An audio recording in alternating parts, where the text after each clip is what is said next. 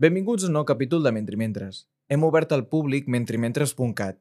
Us animem a visitar-nos, a donar-hi un cop d'ull als textos que hem estat preparant i els que vindran.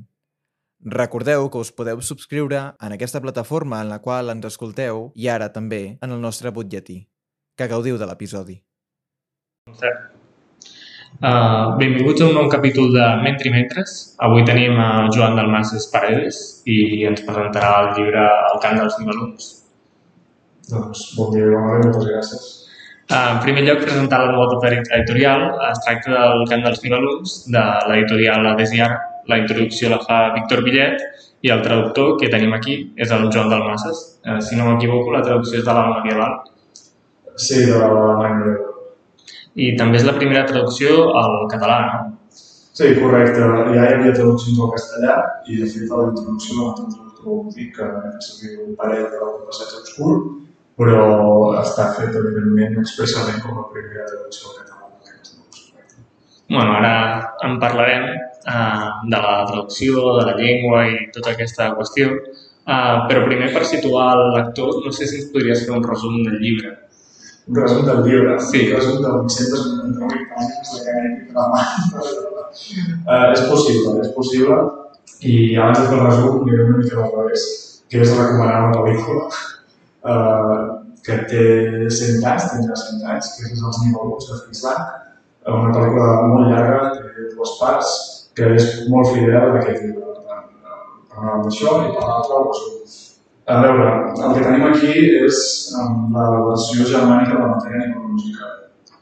O sigui, qui estigui familiaritzat, familiaritzat amb Wagner, aquí trobarà uns personatges coneguts i uns episodis de la neurològica, de trilogia operística.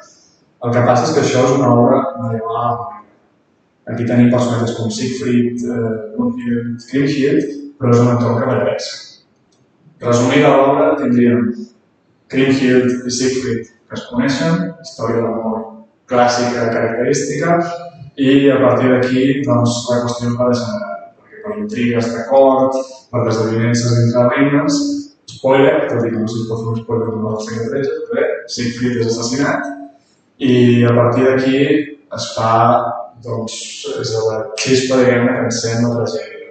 I el típic tot es converteix en una història de venjança i de mort, en la qual Kriemhild intenta eliminar totes aquelles persones implicades en el Siegfried, siguin amics o siguin parents, com és el cas dels germans del Gunther, que ha estat darrere d'aquest assassinat, de traïció i una fins i tot homicidal. Per tant, és una història de guerra, amor, traïció, tot eh, relativament condensat. Un cant èpic eh, brutal. No sé va com a resum, però com a mínim entenem. Va, va. Ara hem fet el resum de l'obra, però falta el resum d'en Joan Dalmases. Uh, ell és graduat en Llengües i Literatures Modernes amb especialitat en francès i alemany el 2015. Després va fer un màster en Cultures Medievals i el 2020 va uh, presentar la seva tesi doctoral Els trobadors de cor menjat, la simbologia del cor a la lírica de Guillem de Cabestany, uh, el Chatelan de Cossí i Reimar von uh, Brennenberg. Segur que ho he pronunciat malament, però Tot correctament pronunciat.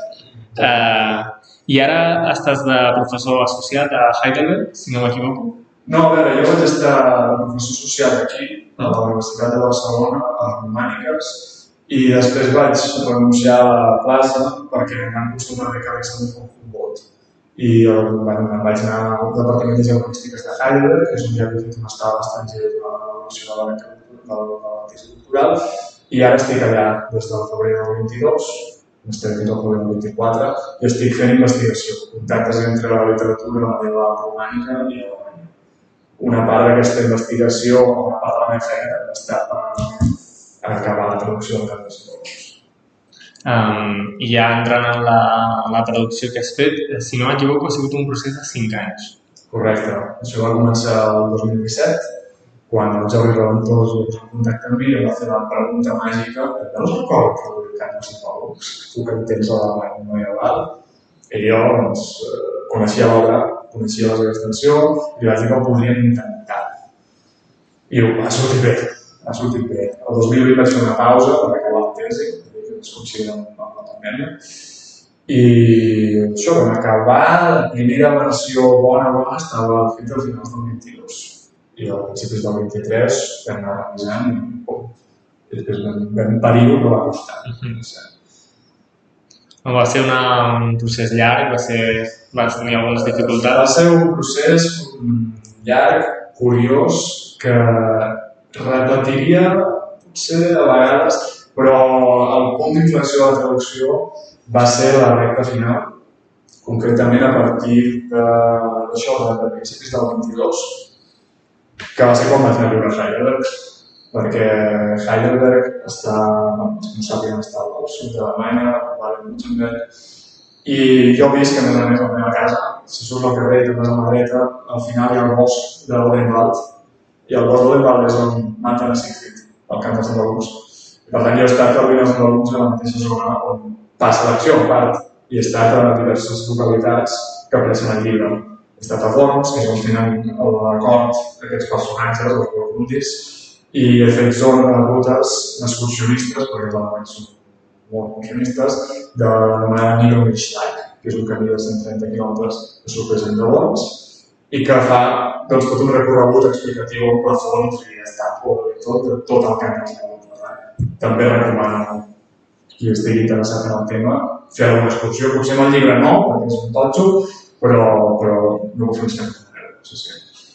Que de fet és el trajecte que fan els burgundis per anar a visitar a Exacte, Krieghild. correcte, és una part del trajecte que fan sortint de Worms um, per anar cap al Regne dels Estats I esclar, eh, ha tingut un què molt especial poder anar a viure a Alemanya just allà i anar treballant amb els andalús i el cap de setmana dir ara ens en anem a Worms, que hi ha un museu dels andalús, o pràcticament cada tarda em vaig a passejar al bosc i dic, des del bosc. Vaig anar al lloc on els possibles llocs on van anar a Siegfried, que és una font antiga, uns tilers, amb un cartellet molt bé també a la font de, de Siegfried. I ets allà, amb té un dels nivells de terra i planta, té tot, ho mires i dius, és que això va molt en sèrio. Dic, com fos el 2017, ja com, ara estic a Sabadell i vaig fer això i tot el que conec, el 2022. I ho comentava la gent de Heidelberg i també em deia, ostres, aquí s'està preparant una cosa de caix. I, I sí, sí, jo considero gran, estic, n'estic content, la veritat és que estic satisfet. No, no, no, sí, sí. No? I ara entrant ja a la traducció en concret, eh, és molt complicada la traducció per diverses raons. Eh, hi ha una cosa que m'ha agradat molt, que també ho esbosses a, a la nota del traductor, que és que el, tu deies que l'alemany, tal com està escrit, té un lèxic reduït, eh, que això els que sàpiguen alemany i mirin l'original ho podran veure, que es repeteixen sempre les mateixes paraules, i tot rimen les mateixes paraules amb elles mateixes, eh, i tu has tingut de fer una feina d'enriquir-ho per posar un estàndard modern. Exacte, però enriquir-ho fins a cert punt, perquè enriquir-lo excessivament, com, també comento, hauria estat trair l'essència de, de l'obra, i a més a més, amb aquesta obra, eh, anem per parts. A la portada, per començar, no hi diu sinó que diu alt alemany mitjà. Alemany és alemany. Alt i mitjà són indicadors, en aquest cas alt és un indicador geogràfic, que ens indica aquells territoris de parla alemanya situats a una altura o una elevació superior respecte al nivell del mar en comparació a altres territoris, que en el cas d'Alemanya seria la zona del centre i el sud d'Alemanya, o sigui, els mans de Baden-Württemberg, Hessen, part d'Àustria i Suïssa també. Tant, tenim un alemany que es parla en aquesta zona. Quan? A l'edat mitjana, que és aquest mitjà. Mitjà indica um, un marc cronològic situat entre l'alemany antic i l'alemany modern, que no és l'actual, és la forma prèvia a l'alemany contemporani. L'alt alemany mitjà es va parlar en aquestes zones entre els segles eh, 12 i 14 aproximadament i la majoria de grans obres medievals alemanyes estan escrites en l'alt alemany mitjà. I a més a més, puc dir que a part d'aquesta característica de tenir un èxit molt reduït, el cant dels nivells en concret no és una obra complexa en quant a vocabulari. Hi ha altres obres en alt alemany mitjà molt més difícils d'entendre. I en aquest cas jo sempre poso l'exemple del Parsifal. El Parsifal de Wolfgang von Eschenbach és una obra difícil. Té un format diferent, són possibles apariats, com la línia francesa, la intel·lectual, però és que a més a més és dens. O sigui, hi ha passatges que Um, L'acadèmia alemanya avui dia no està segur que sigui sobre què significa. Els canals de valors no, perquè és transparent. Això no, no exclou que algú necessiti 5 anys per, per traduir això i que hi hagi molts passatges complicadets. Però eh, també és el que has comentat tu. Eh? Jo crec que ara mateix domino més l'alemany medieval que tu, perquè precisament aquest lèxic reduït és un avantatge a l'hora de traduir fins a cert punt. Perquè tothom és guapo i la paraula és guapo. I tothom és llest i la paraula és llest. El que passa que amb aquesta paraula de sobte te trobes, pum, en un altre context, dius, aquí no poden ser llest, i què és això? I llavors ja has d'agafar diccionaris, mirar totes les excepcions, escriptures vegades i dir, d'acord, això deu significar això. Tu mires, mires què han fet els alemanys actualment, els alemany actual, i dius, això jugues però es camina per una fina línia. Una línia d'alguna edició en castellà que havia vist una que fa anys, que traduïa Herr Siegfried, el senyor Siegfried, mm -hmm. com Don Siegfriedo, mm -hmm. que sembla una marca de xorissos, que vegades tampoc no cal, eh? jugant amb això. Però llavors, o sigui, el que volia apuntar és que hi ha una certa marca personal uh, hi ha unes eleccions que tu has hagut de prendre personalment perquè no estan en el text i no poden ser-hi. Sí, evidentment hi ha una marca personal que no, no hauria de ser. No hauria de ser la marca personal. Mira, eh, es parla molt de les intel·ligències artificials i ho, ho estic parlant molt amb les persones que casen lletra i tal. I respecte a això de la marca personal, eh, és clar, una intel·ligència artificial potser podria ser probablement podria, perquè té un bon nivell de, de mitjà parcial. El xat, ho hem provat. Però, per això els personatges tenen un esperit.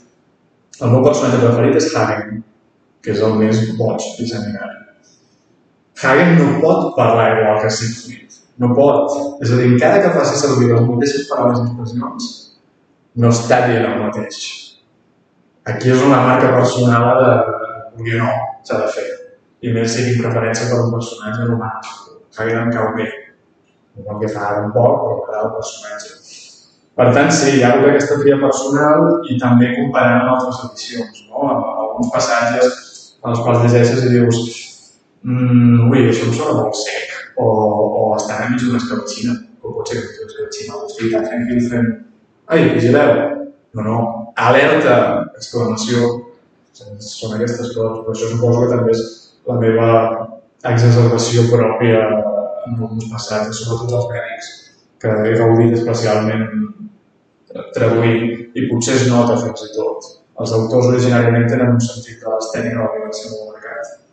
I, I a mi això m'ha agradat perquè és una cosa molt, molt elegant i en aquest cas sí que ho he donat tot. Dir, la marca personal és en aquests passatges més gore, potser.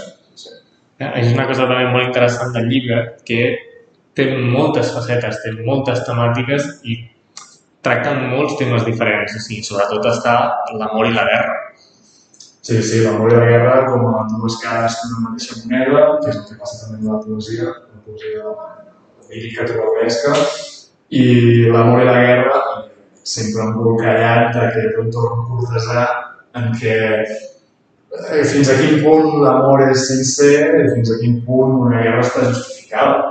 Perquè gairebé tots els conflictes que apareixen en aquest llibre te'ls mires bé i, i són una successió de fets que porten aquest problema, però, però és tot molt atrevit.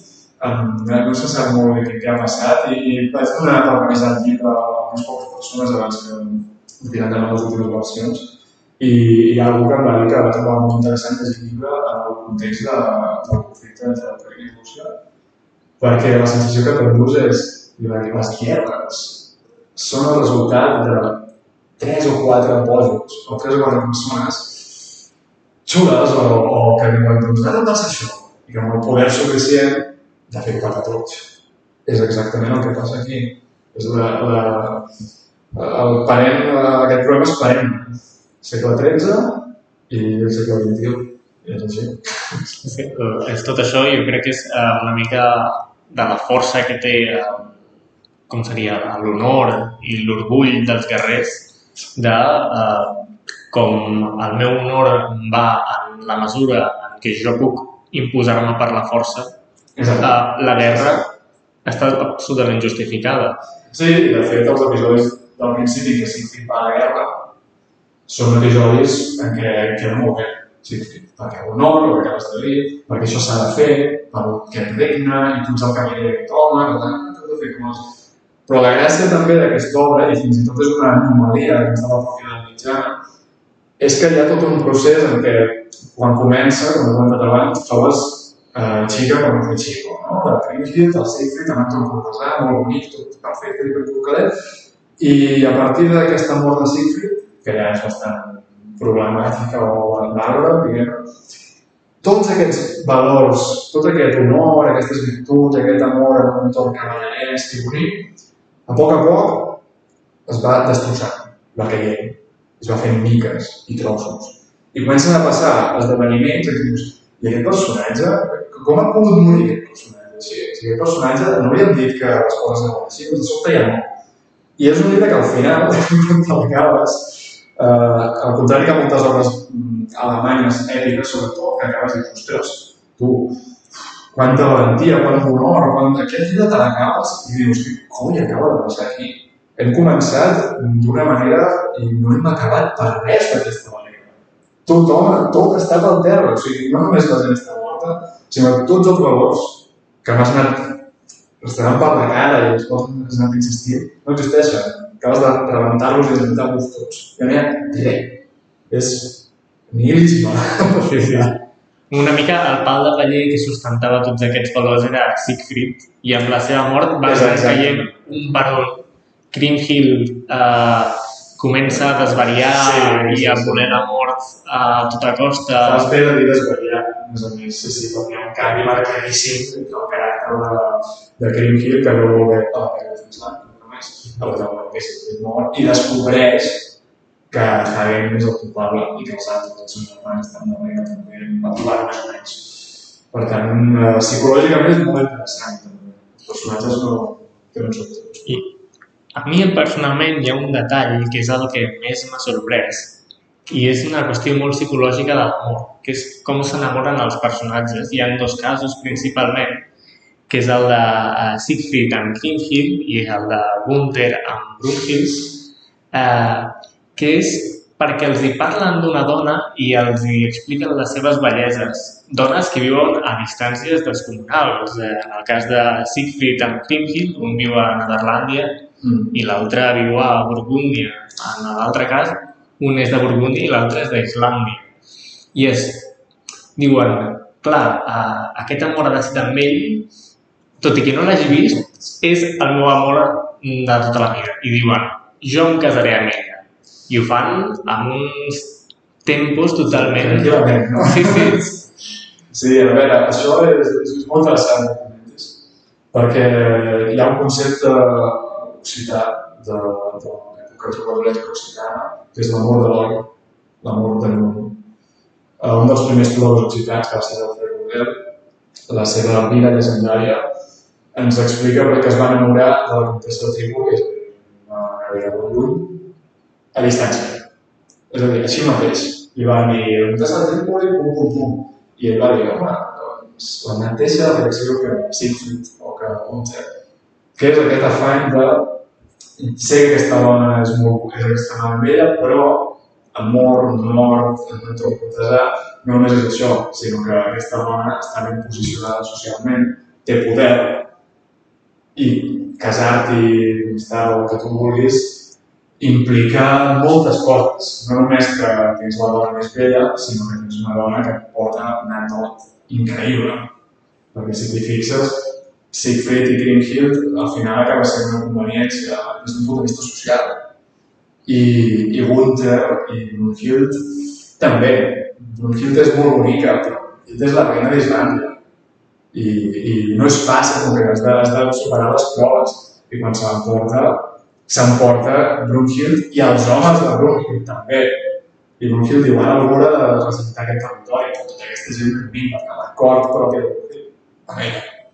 Tant aquest amor de l'any és una cosa molt poètica, trobarquesca, perquè els trobadors estan a tot arreu, i jo sempre, en la mitjana, però socialment també, esclar.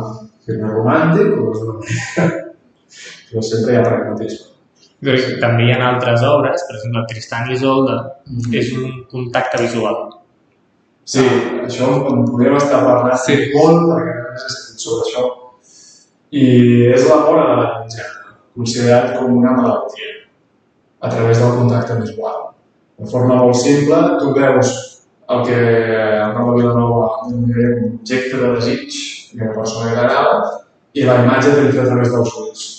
Hi ha un seguit de funcions en les quals les orgàniques que es fan el cor i el cervell es complementen, hi ha els esperits eh, del propi cos que quan veuen la imatge, el cervell, aquesta imatge la, la, que es queda plasmada, hi ha una espècie d'error del sistema, el cor comença a bombar sang al cervell, però el cervell hi ha una part que es queda seca, aquesta imatge es queda allà quieta, i el problema és que la facultat de record imaginativa es, es col·lapsa i el cervell l'únic que pot fer és recordar constantment l'objecte de desig. Durant l'edat mitjana, la gent s'enamora exclusivament per la vista. L'objecte de desig t'entra pels ulls, es processa pel cervell i t'arriba al cor. I a partir d'aquí estàs enamorat. Com la Tristany i Isolde.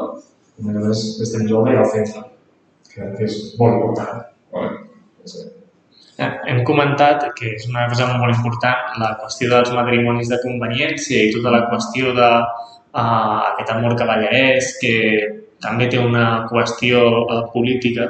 Um, I et volia preguntar si tot aquest text s'ha utilitzat políticament en l'actualitat per justificar una sèrie, o sigui, una, el germanor, germananitat, uh, fins a quin punt es pot utilitzar aquest text realment com a fundació de la nació alemanya, com es podria fer, no ho sé, amb Dante mm. o amb un altre text.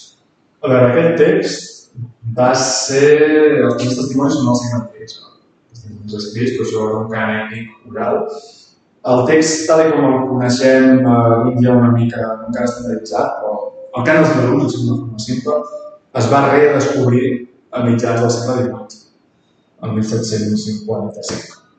Va ser Jacob Hermann Obereit, un filòleg alemany, va descobrir uh, un dels fragments del dels testimonis, i a partir d'aquí, evidentment, va ser un boom, i el descobriment ja va fer que el segle XVIII això va ser la, la guia d'Alemanya. I van dir, això és la guia d'Alemanya. I en el context polític d'aleshores, que eren les guerres napoleòniques, es va fer servir molt com per dir nosaltres som uns guerrers, nosaltres resistència i som aquesta gent d'aquí, som els corruptis. Tot això ja va començar al segle XVIII. I va descobrir això i bum, mm, bueno, després, evidentment, segle XIX, o sigui, genial, no? Al segle XIX, aquesta obra va ser, evidentment, revalorada en el curs següent, a Alemanya, el roboticisme alemany, això era perfecte, o sigui, genial. I a partir del 20, és una especialment interessant, a principis del 20 ja es va fer servir amb una finalitat política molt directa. A principis del segle XX es parlava de, de les aliances entre, entre Alemanya i Rússia, per una banda, i Àustria-Hongria, i aquests dos blocs es consideraven germans per fidelitat nivelúngica, uh, Nibelungentreue. Es comparaven amb els personatges de Hagen i, Volker, que en aquesta obra són, uh, són dos personatges que són 100% fidels seus valors entre ells constantment. Per tant, ja, ja hi havia desfoc aquí. I, evidentment, eh, una cosa que va començar a posar seriosa és a partir de la Primera Guerra Mundial, quan van perdre aquestes potències, es va considerar una traïció de la resta d'estats, equiparant-lo a l'assassinat de Siegfried. És a dir, a Alemanya era Siegfried, a l'altre era Hagen, i el de molta traïció. O sigui, a més a més, era un canvi. William Hagen i després Siegfried. I les últimes vegades en què es va decidir de forma seriosa, evidentment, va ser del Socialisme, en què Siegfried era l'Alemanya pura, um, perfecta, innocent, mig de salvatjada, mentre que hi havia un seguit de persones que sempre estaven allà amagades, no? i feien un complot per, per fer-te mal. I quan estaven a les últimes, els, els, eh, a les, les tropes que tenien estabilitats, si no es va parlar es va comparar la zona de conflicte potent comparant-lo amb la- amb l'episodi final del Camp dels que és quan són els burgundis i ja són a la corda de Fila, i els, tan, els tenen tancats i acorralats i els estan acribillant. Aleshores, la casa de Göring, que va dir que les nostres tropes eh, són molt valentes i estan, són els Nibelungs, que estan allà tancats, atrapats a les últimes, però no rendiran mai. I, per tant, poca broma. Això sí, avui en dia, passada la Segona Guerra Mundial, crec que just des de la Segona Guerra Mundial es va veure com els grans. Hi ha hagut tensions d'aquest tipus. I més endavant, sí que no, no sé, la veritat. Sento haver tirat tan enrere el temps. No, No, no, és interessantíssim el recorregut històric. Ara suposo que això ja és com el que hauria de ser, una novel·la històrica del seu temps.